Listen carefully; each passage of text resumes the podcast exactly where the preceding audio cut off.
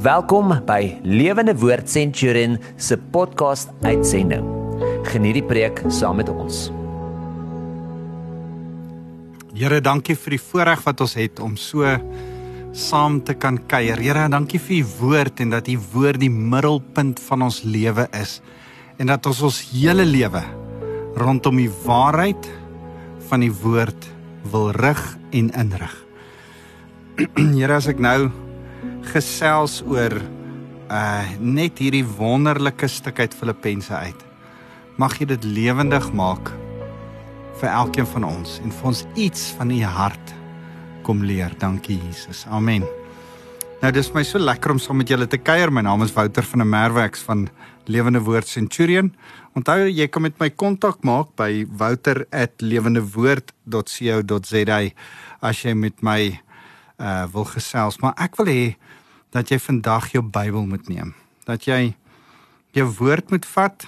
Dit is so kosbaar om 'n 'n Bybel te mag hê. Dat die Here gekies het om deur 40 verskillendes. Prys die Here nie net een nie, maar 40 verskillende mense homself te openbaar en vir ons die woord te kom gee en uh en en en vandag wil ek met jou gesels uit Filippense en terwyl jy Filippense oopmaak, ek gaan uit hoofstuk 1 met jou gesels. Dit sal baie goed wees as jy 'n Bybel voor jou het en dalk 'n pen en papier want ek wil sommer lekker so vandag met jou 'n stuk Bybelstudie doen om 'n waarheid in jou lewe vas te maak. En terwyl jy jou Bybel kry en terwyl jy dit oopmaak by Filippense 1 wil ek jou die agtergrond gee van van Paulus wat in Filippense vir, vir vir die gemeente van Filippi skryf. As hy vir hulle skryf, moet jy verstaan hy's in die tronk in die Maritime Prison in uh in in in Rome en en terwyl hy daar is, moet jy die omstandighede van hierdie tronk verstaan. Dis 'n 'n nege laag tronk, 'n gat in die grond en die in die heel uh, uh, ou wat die langste daar gaan wees word onder ingegooi en dan sit hulle 'n uh, yster grid oor hom um, in uh, soos 'n kwam per se 'n dik braai grid oor hom en dan sit hulle nog 'n gevangene, dan sit hulle bo hom 'n grid, nog 'n gevangene bo hom 'n grid. So die gevolg is dat al die ehm um, afval, ehm um, vullis, die die switch, die die toilet geriewe is nie daar nie. Alles loop af na die ou onder toe. Dit lyk vir ons of Paulus heel onder gebly het.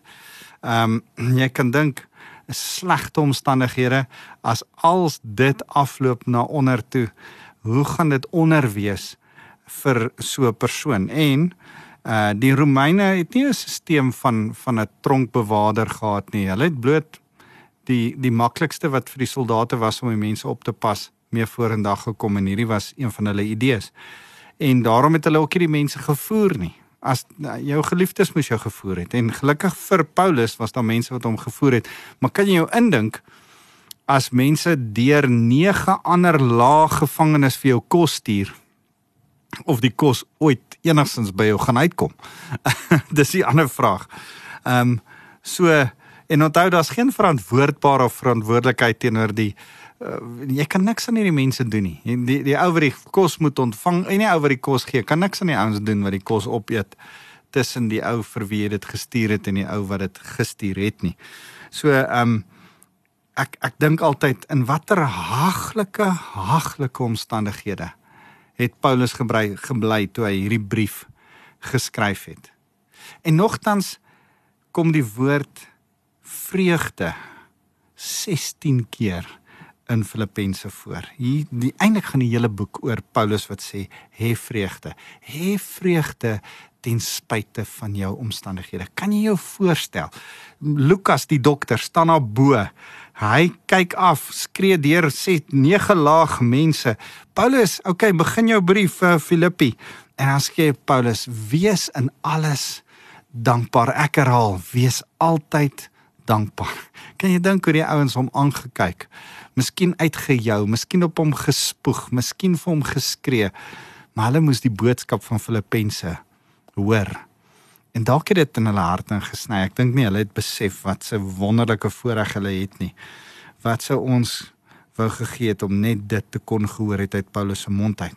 Maar ons het dit nou by ons en en ek wil vir jou lees Filippense 1 Nou nou kan ek net vir jou sê wat my laat kom met by hierdie verse in my kop bly hierdie stuk draai van hy wat 'n goeie werk in julle begin het sal dit voltooi op die dag van Christus. Nou die dag van Christus is Jesus se wederkoms. Die goeie werk wat hy begin het, is natuurlik ons redding, nê? Ons on, ons saligmaking. Daarby saam die feit dat hy ons sonder sonde sien, daarby saam ons genesing, daarby saam ons heiligmaking, al dit saam in 'n hele prentjie is die goeie werk wat hy begin het. Wat hy gaan voltooi. Maar wat Paulus so tussen hakkies vir die gemeente van Filippense en vir my en jou sê is dis nog nie voltooi nie want Christus is nog nie hier nie. Dis amper soos daai Engelse sêding wat sê everything will work out good at the end and if it's not good yet it's because it's not the end. Um en en en daai ding van die Here is nog besig in jou en in my lewe. Met dit in gedagte, kom ons lees vers 3. Ek dank my God elke keer sê Paulus wanneer ek aan julle dink altyd in elke gebed van my in julle almal bid ek met blydskap oor julle deelname aan die evangelie van die eerste dag af tot nou toe. Ah, Paulus is so opgewonde. En as ek dink aan julle wat saam al vir 'n paar maande dalk, dalk is dit jou eerste keer, maar jy luister vir my. Jy hoor die evangelie, jy deel neem deel. Jy's 'n jy in Engels praat hy van 'n partner of the gospel. Van hierdie goeie nuus is ek en jy saam deelgenote. Ek deel dit met jou. Jy luister, ek en jy het saam deel daaraan. Wat 'n wonderlike voorreg. Nou sê Paulus, ek bid die Here heel, heeltyd vir julle daar daaroor, soos wat ek vir elkeen van julle op die radio bid en met blydskap aan julle dink dan sê Paulus hierdie vers dan sê hy juis hiervan oortuig dat hy wat 'n goeie werk in julle begin het, dit sal voltooi op die dag van Christus Jesus. Jy sien as ek bid vir jou, as Paulus bid vir die gemeente van Filippi, dan is daar iets in sy agterkop. Here, wat hy begin het, sal hy klaarmaak. Here, die woord wat begin gepreek word, die saadjie wat geplant is, sal klaarkom. Hou dit in gedagte. Kom ons gaan verder. Nou sê hy eers, nou, nou gaan hy eers terwyl hy eerste in sy slegte omstandighede met hulle gepraat het, gaan hy nou 'n bietjie oor homself praat. Nou sê hy: "Dit immers is vir my reg om so oor julle almal te dink omdat ek vir julle in my hart hou. Wat my gevangenskap sowel as die verdediging en bevestiging van die evangelie betref, deel julle almal saam met my in die genade. Ek is 'n gevangene, maar dankie vir die Here se genade sê Paulus. So dit gesê vers vers 9 en dan sê hy uh, vers 8 eers want God is my getuie hoe ek met die innigheid van Christus intens na julle almal verlang. Dis so mooi. Maar eintlik wil ek hierby uitkom. Vers 9 tot 11. Dis die dis die die goeie werk. As hy sê die goeie werk wat hy gaan begin het, gaan hy volëindig. Wat is hy goeie werk? Kom ons kyk so 'n bietjie. Paulus gaan dit nou beskryf in vers 9. Hy sê ek bid juis dat julle liefde al hoe meer sal toeneem kan ek bid dat jou liefde sal toeneem. Daarby sê ek en jy met met ander woorde vir mekaar, daar's eers nog liefde wat kort kom. Daar's eers nog liefde wat meer kan word. Daar's eers nog liefde wat jy van die Here af kan kry en toepas en in jou lewe voluit kan uitleef. Hoe doen ons dit? Kom ek verduidelik vir jou. Hy sê Paulus sê Ek bid juist dat julle liefde al hoe meer sal toeneem, hoe in kennis en insig. Jou lewe, jou liefde neem toe, word meer wanneer daar kennis en insig is. Kennis is die woord van die Here, insig is die Heilige Gees wat dit vir jou lewendig maak. Ek gaan nou terugkom na dit toe. Hy sê bid juist dat julle liefde sal toeneem in kennis en insig om die dinge wat saak maak te kan onderskei. Ek en jy het nodig om onderskeiding in ons liefde te hê, onderskeiding in ons lewe te hê. Ons moet die waarheid vat en kan onderskei. Jy sien, in vandag se dae is daar baie perverse goed. Pervers beteken om reg verkeerd te noem en verkeerd reg te noem. Die hele wêreld is pervers. Die hele wêreld maak van die regte dinge die verkeerde ding en van die verkeerde dinge regte ding. Dan sê die Here nee nee, dit is nie my waarheid nie. Ek doen die regte ding, die regte ding en die verkeerde ding noem ek die verkeerde ding. Die Here maak nie van slegte mense heroes nie. Dis vir my so hartseer dat deesdae is die flieks, die boewe is die heroes. En dit is nie veronderstel om so te wees nie. Ons ons moenie 'n bankdief 'n hero maak nie. Hy bly 'n dief. hy bly in sonde. En nou sê hy ons het kennis en insig sodat ons kan onderskei, sodat ons uh in, in ons lewe kan onderskei en grense kan stel. Die waarheid as absolute waarheid, die woord van God. Ek hou vas aan hierdie waarheid as my absolute waarheid waar ek uit kan kennis kry. Hierdie kennis vat ek dan pas dit toe in my lewe en omdat ek dit dan deur die Heilige Gees toepas, kan ek agterkom wat is reg en wat is verkeerd. Het ek 'n sens of wat reg en verkeerd is? Besef jy dat mense om jou het nie altyd 'n 'n 'n kompas in hulle lewe nie, 'n manier om te sê wat reg is en wat verkeerd is nie. Hulle het nie 'n onderskeidingsvermoë dat hulle kan sê of iets reg of verkeerd is nie. As jy hulle vinnig moet konfronteer oor is dit waarmee jy nou besig is, is dit reg? Nee, ja, ek dink so. Nee, jy behoort so te weet en jy sal dit weet as jy 'n student van die woord is, as jy kennis bestudeer en dan vra Heilige Gees gee my die insig om die woord waarheid in my lewe te maak die woord te laat uitleef in my lewe. Die die mooi woord van kennis en insig om om te onderskei. Hoe onderskei ek met kennis en insig? Kennis is om te herken en insig is om te erken. Herken en erken. Jy herken jou sonde as jy die woord lees en jy erken jou skuld as jy besef wie jy is uit vanuit die woord sodat jy kan onderskei wat reg en verkeerd is. Hoor hoor wat uh, hierdie mooi Griekse woorde die die woord kennis hier is epignosis. Epignosis dit beteken om te herken om te besef wat wat waarheid is en wat verkeerd is en dan is die woord aesthesis die woord is om te onderskei om te weeg teenoor mekaar. So ek ek ek besef wat's reg en verkeerd en dan weeg ek in my lewe dit op en dan besluit ek goed wat gaan ek doen? Gaan ek die regte ding doen of gaan ek die verkeerde ding doen? Jy sien al hierdie goed gebeur wanneer die Here is met ons eers heen op pad. Ons liefde moet toeneem want die Here wil iets met ons bereik. Die Here wil iets met ons doen.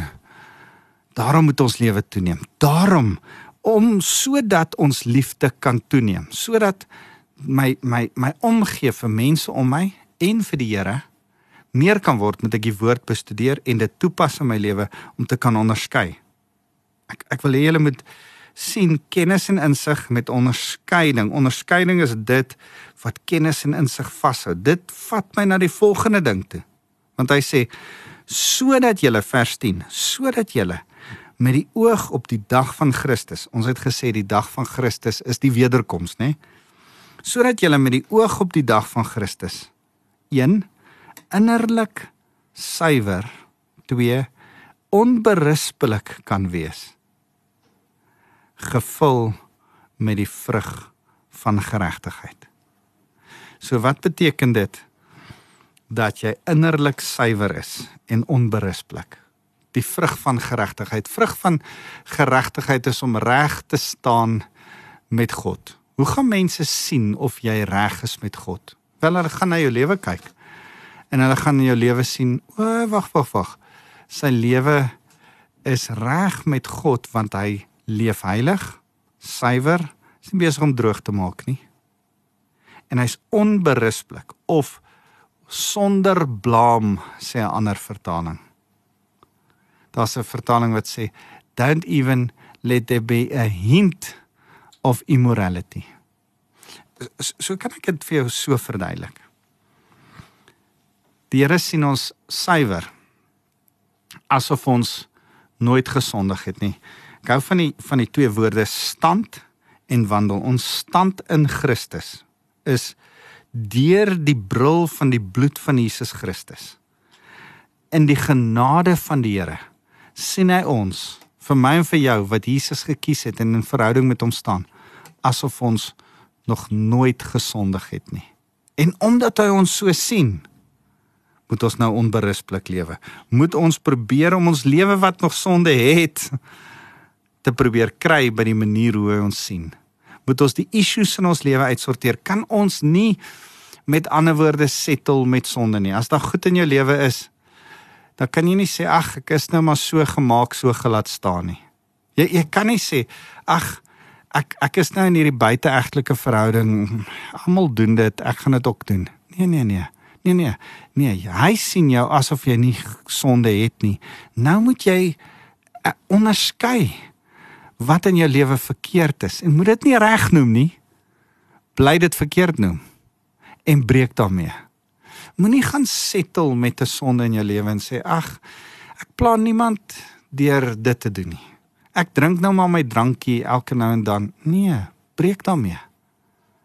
En ek sê nie om te drink is verkeerd nie. Maar maar as daar gewoontes is wat tussen jou en God staan, breek daarmee. Moet jouself nie 'n dobbelaar noem en dink die Here is tevrede daarmee nie. Nee, breek daarmee. As jy vir jouself sê, man, my seksuele voorkeure is my saak, dit het niks met enigiemand anders te doen nie. Nee, wag, wag, wag. As jy lief is vir die Here en die woord van die Here wys vir jou wat reg is, besef jy een man met een vrou binne in die huwelik alleen is sy boundaries, sy parameters, sy sy manier hoe om na die seksuele en intimiteit te kyk. Enigiets daar daar daar anderste, enige iets anderste as dit is immoreel en nie van die Here af nie. kan ek jou weer uitdaag? Een man met een vrou binne in 'n huwelik. Nie 'n saambly verhouding nie, nie buite 'n verhouding nie. Die Here is besig om met jou te praat en te sê wanneer jy verkeerd is, sê jammer, Here. Here, ek wil met U regmaak. En die Here sê, "Goed, nou. Nou is jy sonder blame. Die oomblik as jy jammer sê, verwyder jy die blame want dan sit jy jou skuld op Jesus Christus en op grond van die genade sien ek jou heilig, skoon." Jy sien, die fout wat ons maak in die kerk is As ons lees en sê die Here sê wees heilig, dan dink ons ja, kan dit nie doen nie. Niemand van ons is heilig nie. En en jy's reg. Maar wat die Here eintlik sê is hê begeerte om soos Jesus te wees. En hê dan jou hart sag genoeg om jammer te sê. En wanneer jy dit doen, dan sien Vader God Jesus raak, heilig as hy na jou kyk. Hy sien jou nie meer. Jy vat Jesus en jy druk hom voor jou. Jy sê Here, ek is jammer. En Here sê goed. Vader gaan my bloed sien en nie jou skuld nie. Kan ek vandag vir jou sê? Die Here sê hier twee goed. Hy sê jy moet innerlik suiwer wees en onberispelik sonder blaam wees. Dis my en jou se verantwoordelikheid om te sê, Here, gaan deel met die issues en die sondes in my lewe.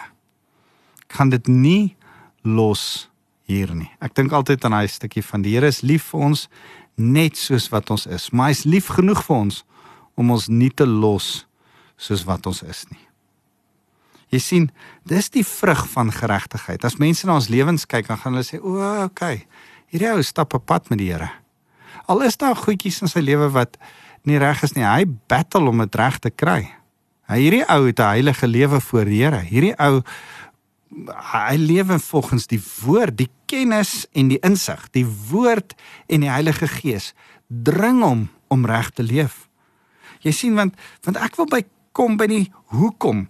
Ons het gesê so vers 9 sodat die liefde al hoe meer sal toeneem. Hoekom moet die liefde toeneem? Hoor hier, hoor hoor wat sê hy. Hoor vers 11. Gevul met die vrug van geregtigheid deur Jesus Christus tot die verheerliking en die lof van God. My en jou lewe is tot die verheerliking en die lof van God. Ek dis hoe aanbidding lyk. Ek en jy het 'n lewe van aanbidding. Ons eer die Here. Ons ons hele lewe is 'n loflied. Dink so daaraan. Mense om jou wat die Here dien, jou familie, jou kerk, jou jou jou jou naastes, jou jou gesin. Wat dalk die Here dien. Hulle kyk na jou lewe en moet sê prys die Here. Kyk, daai ou dien die Here. Dis so lekker om te sien hoe lief is hy vir Jesus. Dis wat hulle moet sê die wêreld daar buite wat nie die Here dien nie. Hulle moet na jou lewe kyk en sê ek lees nie my Bybel nie, maar ek lees daai ou se lewe. En as dit is so 'n Christen lyk, dan wil ek ook die Here dien. Dan wil ek ook 'n volgeling van Christus wees, want ek wil soos daai ou wees. Jy is die enigste Bybel wat jou ongeredde vriende ooit gaan lees. Leef dan tot eer van God. Hoe leef jy tot eer van God? Hoe hoe wys jy wie God is? Hoe reflekteer jy die liefde van God? Onthou hy sê laat jou liefde toeneem. Hoekom moet jou liefde toeneem? Jou liefde moet toeneem vir God en vir die mense, vir die verlore wêreld daar buite. As jy regtig die wêreld daar buite liefhet, wys hulle dan die ware liefde van God deur jou lewe, deur 'n refleksie van van wie God regtig is, een sonder sonde. As jy regtig lief is vir God, dan besef jy hy sien jou deur die bloed van Jesus Christus asof jy nie gesondig het nie.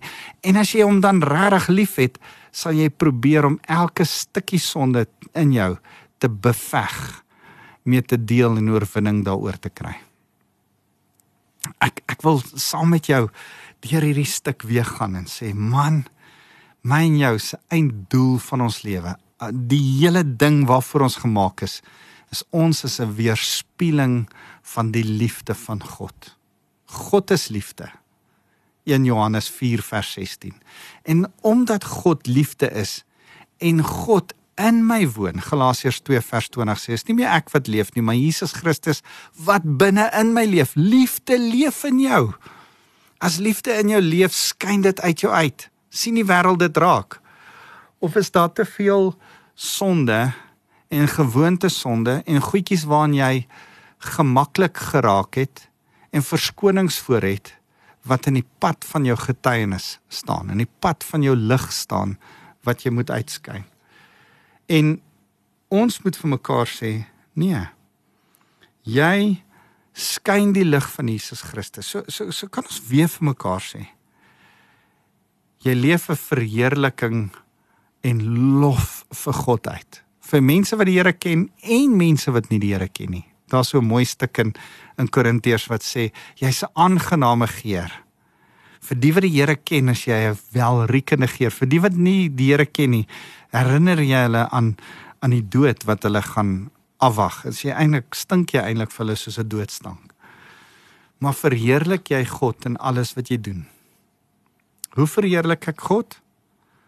Hoe hoe kry ek dit reg? Ek moet voor die Here skoon wees deur Jesus. Maar ek moet deel met my issues. Ek moet die vrug van reg wees dra. Sê hierdie skrif. Hoe hoe hoe dra jy vrug van reg wees? Daar's net een manier. Daar's net een manier om foutloos, blaamloos die vrug van reg wees te kan dra. Jy moet die woord bestudeer. En deur die woord die Heilige Gees in jou lewe inneem En met die Heilige Gees moet jy kan agterkom wat's reg en wat's verkeerd en dit toepas in jou lewe en dan die onderskeiding kan hê om ook daai grense te stel en te sê in my huis gaan my kinders die Here dien. Ek dink so altyd aan Josua se woorde van ek en my huis ons sal die Here dien. Kan ek dit vandag weer vir jou sê? Kennis en insig bring onderskeiding kennis en insig. Die woord en die Heilige Gees maak saam 'n plek waar ek sê, "O, okay, nou dat ek die woord verstaan en nou dat die Gees van die Here dit vir my lewendig maak in my lewe, stel ek grense. My kinders, ons gaan dit so doen. My vrou, ons gaan so finansies hanteer." Ehm um, wat TV en en en sosiale media aanbetref, dis ons reëls. Wat wat uh die die die manier van vriende hanteer, dis hoe ons gaan maak. Dis dis ons manier van reg reg noem en verkeerd verkeerd. Jy sien as ons daarby uitkom, dan is ons liefde besig om toe te neem. Vers 9. En en dit ouens is die goeie werk wat begin is in jou wat die Here gaan voltooi. My gebed is dat hierdie goeie werk wat hy begin het, die liefde wat in jou hart klein geplant is, nog meer en meer en meer sal word. Hoe? Deur die skrif wat jy bestudeer, die Heilige Gees wat jy vra om dit vir jou lewendig te maak sodat die onderskeiding in jou lewe kan kom sodat jy kan weet wat's reg en verkeerd en dit wat nie reg is nie kan uitsorteer sodat jy heilig voor die Here kan staan om 'n spieelbeeld van Jesus te wees. 'n uh, 'n refleksie van hom. 'n verheerliking en lof vir God. Kom ons bid saam. Here baie dankie vir u woord. Dankie dat ons uit hierdie Filippense een stuk eintlik kan agterkom dis wat heiligmaking is, is om ons lewens uit te sorteer. Here, hierdie hele stuk kan ek opsom in hierdie een woord: repentance. 'n Hart van nederige berou voor U en konstant sê, Here, ek is jammer. Ek is jammer oor elke stukkie sonde wat tussen my en U kom staan. Ek kom deel daarmee so gou as wat dit opkom. So gou as wat die gees van die Here dit aan my openbaar en so gou as wat ek uit die woord uit agterkom dat my lewe nie reg is nie kom ek in nederigheid voor u kom maak ek reg sodat ek heilig sonder blame voor u kan staan Here dankie dat ons net kan besef u wil 'n verhouding met ons hê Here hierdie stuk gaan oor verhouding geloof is verhouding en Here verhouding met u Here, dit is so wonderlik dat dit kan groei, meer en meer kan word en ons liefde kan toeneem. Help ons daarmee. Here, gee ook dat in hierdie liefde wat toeneem, ons kan agterkom dat ons liefde moet toeneem vir mense wat verlore gaan daar buite en ons hulle ook so sal lief hê dat ons vir hulle Jesus sal uitleef. En Here, nou wil ek as ons dit kom bid, 'n hart van van repentance, van nederigheid. Here, wil ek oor elkeen kom toebid. Mag die die liefde van God ons Vader. Here en die barmhartige genade waardeur Vader ons sien van Jesus. Mag dit in elkeen van ons harte wees. En mag die Heilige Gees ons lei om die woord te gebruik om ons lewe reg voor U te hou. Ons eer U Here Jesus. Amen. thank you